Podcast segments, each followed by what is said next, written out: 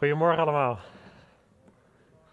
Voor mij ook bijzonder om voor de tweede keer hier vandaag te staan. Maar uh, nou, kunnen, ik heb vanochtend geoefend en dan komt vandaag komt het helemaal goed uit. Vanmiddag. dus, uh, mooi. Nee, we hebben een mooie dienst meegemaakt vanochtend al.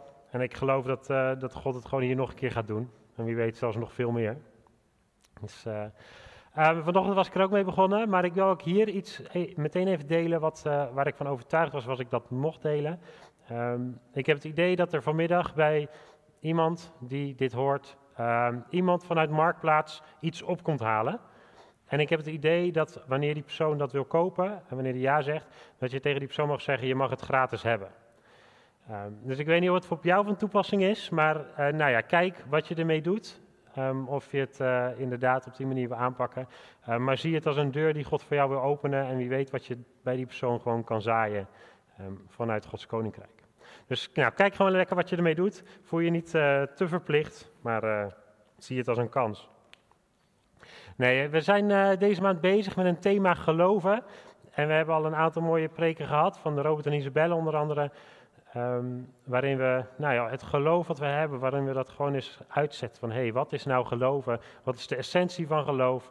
En nou, daar, uh, vanuit daar ook gewoon werken. En vandaag gaan we dat thema afsluiten en hoop ik ook dat jullie allemaal gezegend zullen worden en ook met een nieuw soort geloof naar huis mogen gaan.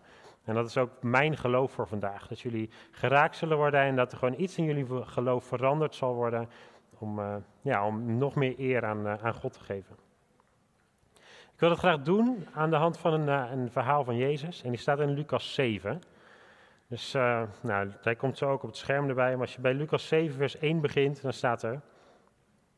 Toen Jezus aan het eind was gekomen van, van zijn toespraak tot de menigte, ging hij Capernaum in. Een centurio die daar woonde had een slaaf die ernstig ziek was en op sterven lag. De centurio was erg op deze slaaf gesteld. Toen hij over Jezus hoorde, zond hij, hem, zond hij enkele Joodse leiders naar hem toe om hem te vragen bij hem te komen en zijn slaaf van de dood te redden. Toen ze bij Jezus waren gekomen, drongen ze er bij hem op aan om mee te gaan. Ze zeiden: De man die u dit verzoekt, verdient het u om hem deze gunst. Verdient het dat u hem deze gunst bewijst, want hij is ons volk goedgezind en heeft voor ons de synagoge laten bouwen. Nou, tot zover alvast even. Als je dit verhaal leest, dan is het best wel een bijzondere situatie. Want ik weet niet of jullie dat weten, maar een centurio was eigenlijk een legeraanvoerder in het Romeinse leger. En dat was eigenlijk, waren eigenlijk de bezetters van Israël op dat moment. En waren eigenlijk de vijanden. En de vijanden, die, uh, nou, daar kijk je toch niet zo positief naar in het algemeen. Maar toch, deze centurio, die heeft blijkbaar toch iets goeds in hem, want hij heeft de synagoge laten bouwen. Um, en hij heeft de fariseërs zover gekregen dat die voor hem bij Jezus gaan pleiten. Nou, jullie kennen de fariseërs, die wilden eigenlijk niks van Jezus weten en die, die uh, wilden hem liever uh, weg hebben dan dat hij uh, daar aanwezig was. Maar toch waren zij zover ge, gepusht om Jezus te vragen om mee te gaan. Dus dat is al een bijzonder iets, dat geeft een bepaald beeld van wie deze centurio is. En ook het feit dat hij naar Jezus toe durft te gaan om zijn slaaf, is al een beeld dat, dat die centurio een, een bijzonder persoon is. Slaven in die tijd die waren, waren namelijk je bezit en die moesten voor jou werken. Um, maar die, um, ja, daar, daar zat verder eigenlijk naast financieel eigenlijk geen waarde aan. Slaven die, die had je gewoon en als er een ziek werd, dan was dat heel erg jammer, want dat ging geld kosten, die slaaf kon niet werken. Je moest hem misschien zelfs uh, ja, verzorgen, wat ook weer geld en tijd kostte.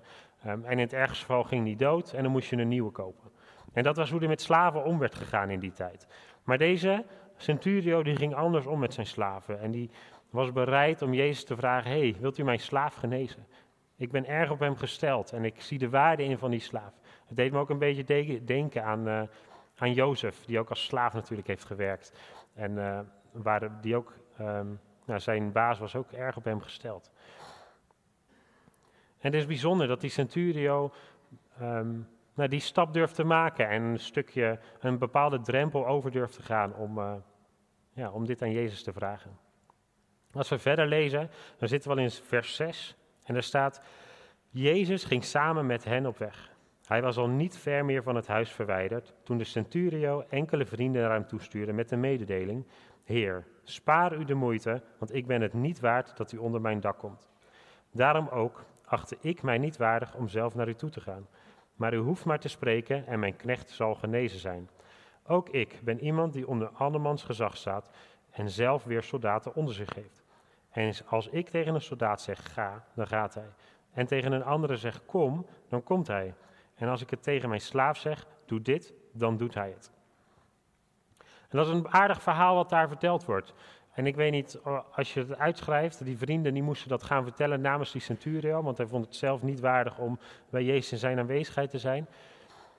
Het was een aardig verhaal om te bewaren, dus het is sowieso al lof voor die vrienden dat ze het kunnen onthouden, dat hele verhaal. Maar wat hij eigenlijk hier zegt, als je dat samenvat, zegt hij, ik erken dat Jezus boven alles staat. Zoals de legeraanvoerder zelf mensen onder zich heeft en die luisteren altijd naar hem, die stellen geen vragen. Als ze zeggen ga daarheen, dan gaan ze dat doen. Zo, zo staat Jezus voor in zijn ogen ook boven alles. En als Jezus zegt tegen een ziekte, wijk, dan zal die ziekte moeten wijken. En als Jezus zegt tegen een probleem, ga weg, dan zal hij dat probleem moeten luisteren. En op die manier staat, erkent hij dat Jezus boven alles staat. En dat is voor, voor die centurio is dat best wel veel, want het was een Romein, het was geen Joodse. En hij, hij had zijn eigen goden. De Romeinen hadden hun eigen goden, die allemaal voor hun eigen dingen zouden moeten zorgen. Maar hij erkent, nee, mijn geloof, mijn God kan hier niet, die staat hier niet boven. Maar ik erken dat Jezus hier boven staat. Ik erken dat Jezus boven alles staat en regeert. En dat Jezus hier bij machten is om, die, om mijn slaaf te genezen. En dat, heeft, dat is echt bijzonder dat een niet-Joodse die die link durft, kan leggen en ook durft te leggen, in het, in het openbaar durft uit te spreken. Als we nog een klein stukje verder lezen, dan zijn we bij 9, vers 9. En er staat, toen Jezus dit hoorde, verbaasde hij zich over hem. Hij keerde zich om naar de menigte die hem volgde en zei, ik zeg jullie, zelfs in Israël heb ik niet zo'n groot geloof gevonden. Toen de vrienden van de centurio terugkeerden naar zijn huis, troffen ze daar de slaaf in goede gezondheid aan. Jezus verbaasde zich over hem. Dat verhaal wat hij had gehouden van u staat boven alles, daar verbaasde hij zich over. Van wauw, hoe kom je daarbij?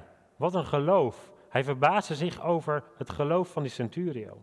En dat die centurio een bepaalde stap durfde te zetten, een bepaalde drempel durfde te zeggen, waarbij hij zei van, ik kan het niet meer, God, Jezus, u kan het, doet u het maar.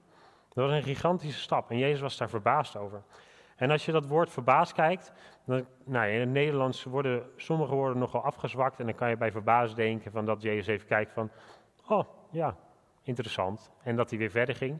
Maar als je dat woord verbaasd, dat komt in, in het Nieuwe Testament ongeveer 43 keer voor. Het zijn 43 verhalen waarin dat uitgelicht wordt. En van die 43 keer is 41 keer wordt, is dat wanneer mensen reageren op Jezus. Dus Jezus doet een wonder en de mensen stonden verbaasd. Jezus vertelt bepaald, uh, bepaalde Bijbelgedeelten, bepaalde schriftgedeelten. En de mensen zijn verbaasd dat hij dat zo kan uitleggen. En dat is een reactie van iets wat Jezus doet, worden wij door geraakt. Iets wat Jezus vertelt, worden wij door geraakt. Zoals de storm op het meer, als hij zegt dat de storm stil moet zijn en de zee stil moet zijn, dan, dan staan de discipelen staan verbaasd. Staan verbaasd. En die zeggen, um, die zeggen, wie is hij? Dat zelfs de storm, zelfs de wind en de zee naar hem luisteren. Wie is hij? En zo'n verbazing zit daarin. En ik denk dat ze echt sprakeloos ervan waren. Dat ze echt dachten van, wow, wat is dit? Zo onder de indruk van wat Jezus daar deed. En datzelfde woord als wat daarvoor verbaasd gebruikt wordt, dat wordt hier ook gebruikt voor Jezus. Dus het was niet dat Jezus dacht van, oh, nou had ik niet verwacht. Nee, Jezus was, wat? Wat is dit? Wat gebeurt er hier? Dat, dit had ik niet verwacht. Dit zag ik niet aankomen. Zo is hoe Jezus daarin staat. Zoals wij reageren op Jezus, zo reageert Jezus ook op ons. Zoals wij onder de indruk kunnen zijn van Jezus, zo kunnen we, kan Jezus ook uh, onder de indruk zijn van ons. En als ik mag kiezen, dan zou ik zo graag zo'n geloof hebben waarvan Jezus onder de indruk is. Waarvan Jezus zegt van wow, dat had ik niet verwacht. Wow, dat is een stap extra die ik geen zag aankomen. En dat is een geloof wat ik zou willen hebben. En stel je eens voor als wij allemaal zo'n geloof zouden hebben, waarvan Jezus zegt, wauw, wat is hier aan de hand? Waarvan Jezus gewoon even sprakeloos wordt van, wauw, wat doen jullie? En dat hij gewoon helemaal onder de indruk is. Dat is toch geweldig als wij met elkaar zo'n geloof zouden hebben. Ik denk, als wij dat allemaal hebben, dan zou Ede niet meer hetzelfde zijn. En dan zou uiteindelijk Nederland niet meer hetzelfde zijn. En dat is het geloof waar ik voor wil gaan.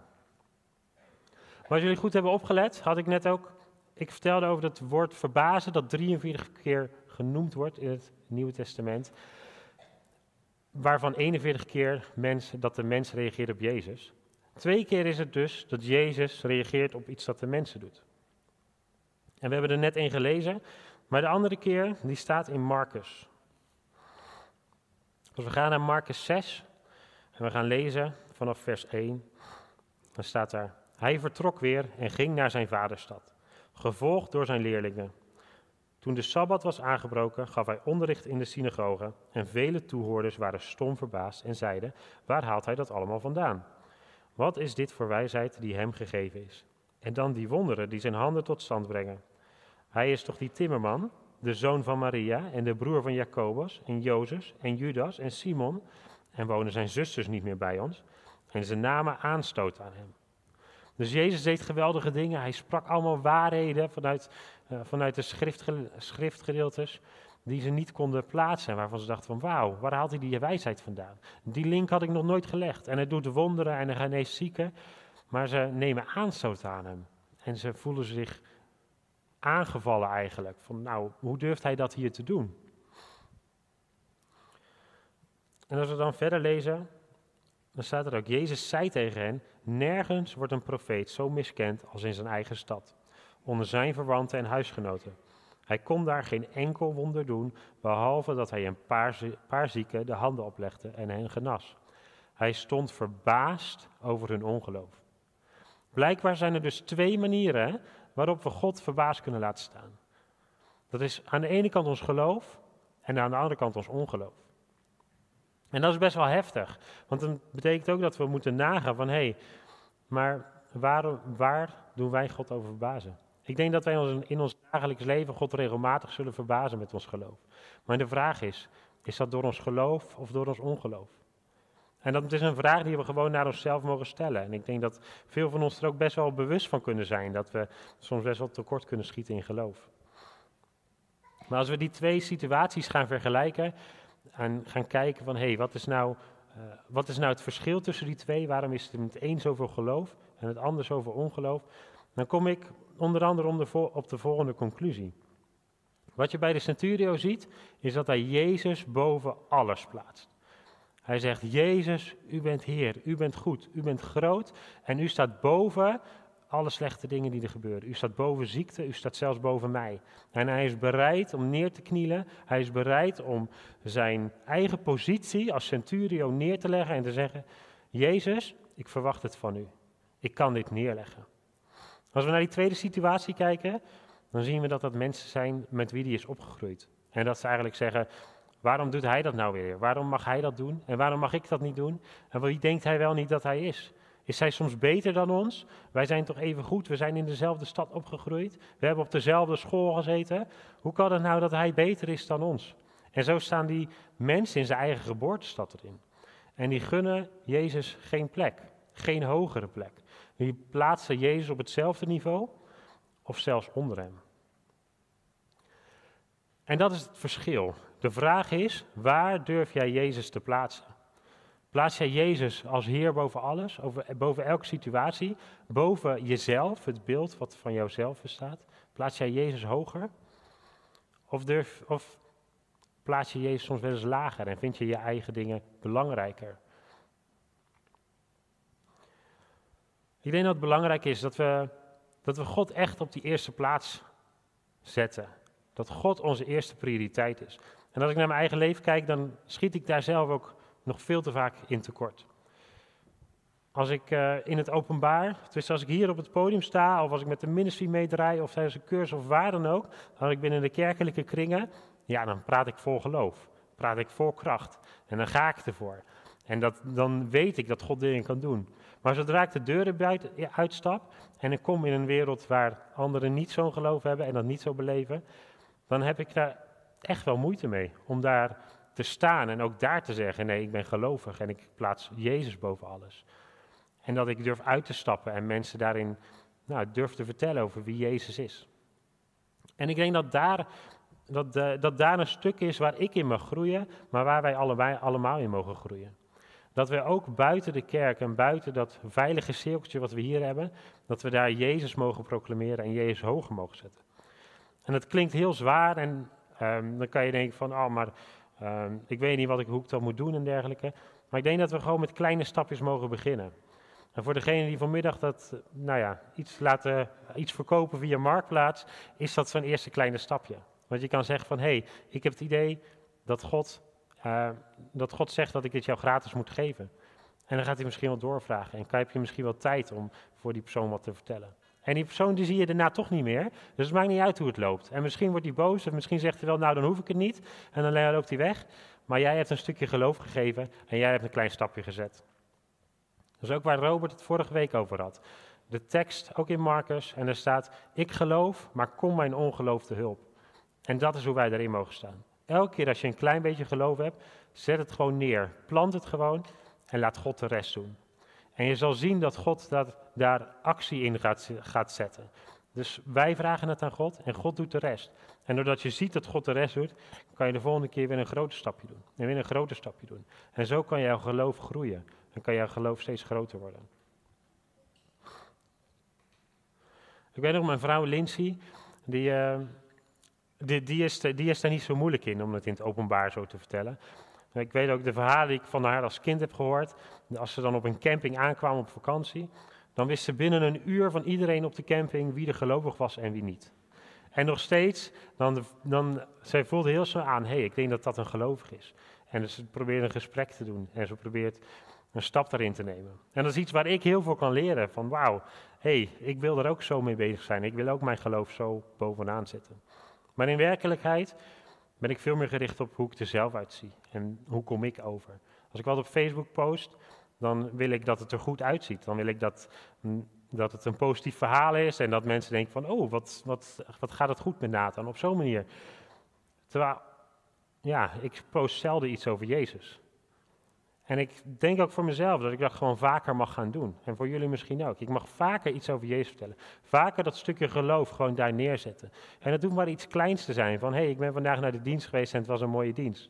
En misschien, uh, nou ja, krijg je daar wel leuke reacties op. En kan je een week later zeggen: hé, hey, en hier is de link naar de livestream. Ik zeg maar wat. En zo mag je groeien en gewoon gaan ontdekken. En gewoon kleine stukjes geloof neerleggen.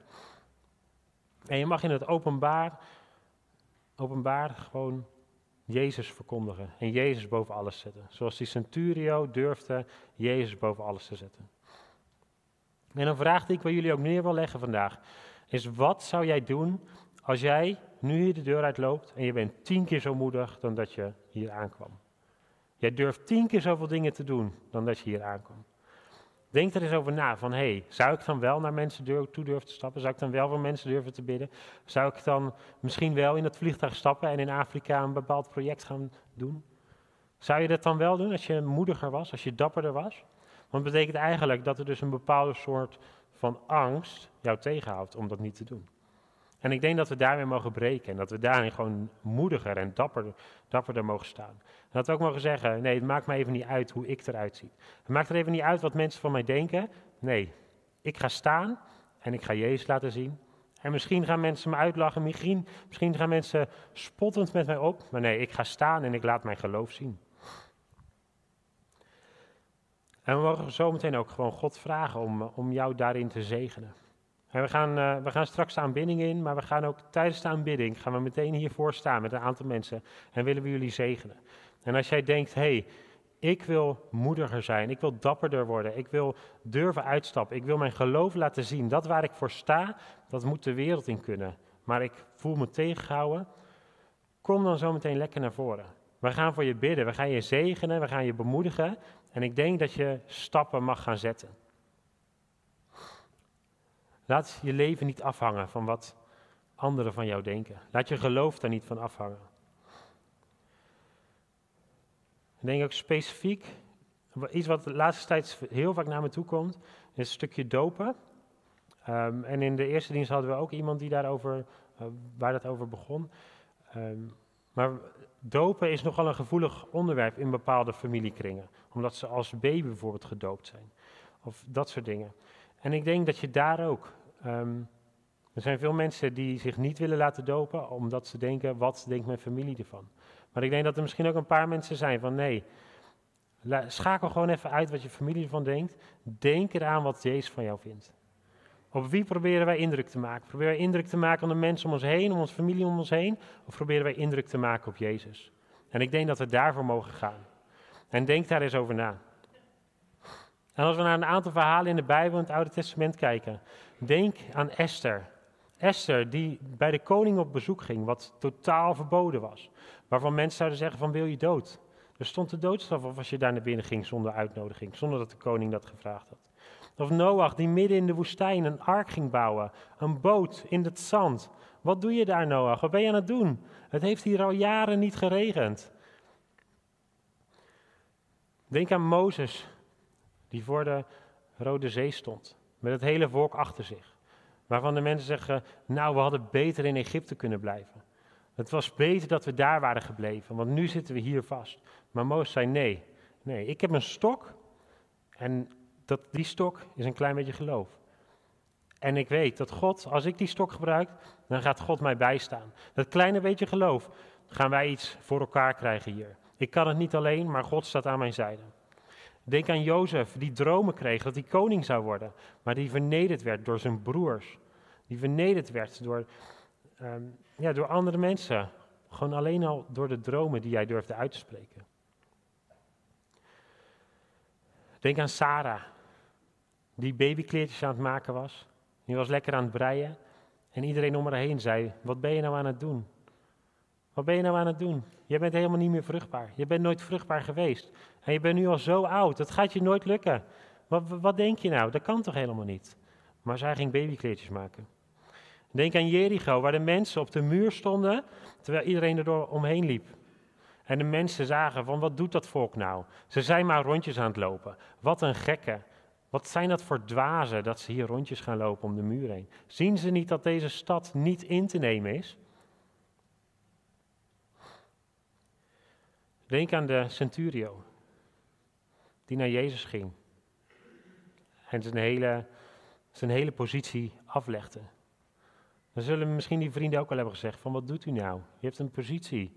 Zet jezelf niet zo te kijken. En denk aan Jezus, die aan het kruis hing, waarvan de mensen letterlijk spottend zeiden: Jij was toch die koning? Wat ben je nou aan het doen? Kom van dat kruis dan af. Laat dan zien dat je de koning bent. En ze waren aan het spotten. En maar Jezus zei: Nee, ik doe dit voor God. Ik doe dit voor Hem. En aanbiddingsband mag vast lekker naar, naar voren komen. Dan gaan we zo meteen de aanbidding in en dan ga ik voor jullie bidden. En dan ga ik bidden dat jullie dapper mogen worden en dat jullie een geloof mogen hebben. Dat we, ja, waarin je zo mag opstaan, zoals deze mensen ook opzonden. Want als we die verhalen die ik net heb gezegd, als we daar naar kijken en als we daar naar de uitkomsten kijken, dan gebeuren er wonderbaarlijke dingen. Want Esther, die ging die zaal binnen en die zag de bevrijding van haar volk plaatsvinden. Die zag dat, dat de Joden weer ruimte kregen, weer vrijheid kregen, omdat zij die stap durfden te maken. Omdat ze er niet uitmaakte wat er met haar zou gebeuren. Denk aan Noach, die, die al die mensen toch nog gered heeft, die zijn familie gered heeft. En die, nou ja, de regen die is gekomen.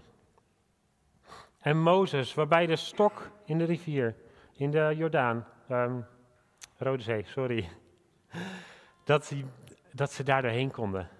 Dat het water splijtte. Alleen maar omdat hij zei, ik heb een stok en ik ga hem gebruiken en God doet de rest. Wat ik heb, dat geef ik. Jozef is koning geworden. Koning van Egypte. Misschien op een andere manier dan iedereen had gedacht. Maar hij is het geworden, gewoon door het uit te spreken en door ervoor te gaan. Sarah heeft kinderen gekregen. En ze hebben miljoenen en miljarden mensen voortgebracht. Doordat zij geloofde. Doordat zij zei, nee, God heeft gesproken en ik ga kinderkleertjes maken. En Jericho, die muren zijn gevallen. Die muren staan niet meer. De stad is overgenomen. Allemaal doordat de mensen bereid waren om onder het spot van de, van de stad Jericho, om daar te blijven lopen. Om daar te blijven gaan. Zeven dagen lang. Zeven dagen. Soms zijn wij nog wel eens bereid om twee keer te bidden, drie keer te bidden. Ga eens zeven dagen bidden. Ga eens ervoor strijden. Ga voor jouw geloof staan. De centurio, die zag zijn slaaf genezen worden. Allemaal omdat hij over een drempel heen durfde te stappen. En het mooiste van alles, Jezus is uit het graf gekomen. Ondanks de spot, ondanks alles wat hem was aangedaan. Hij kwam uit het graf. En hij heeft daarmee ons allemaal vrijgezet. En in dat geloof mogen wij staan. En als al die mensen dat hier doen, al die mensen in de Bijbel, en er zijn nog veel meer, veel meer verhalen. En ook in het dagelijks leven veel meer verhalen, waarbij mensen een mini-stapje zetten in geloof, maar waarbij God de rest doet. En die dapperheid om dat stapje te zetten, daar wil ik zo met jullie voor bidden. Dus we gaan lekker aan bidden met Marco.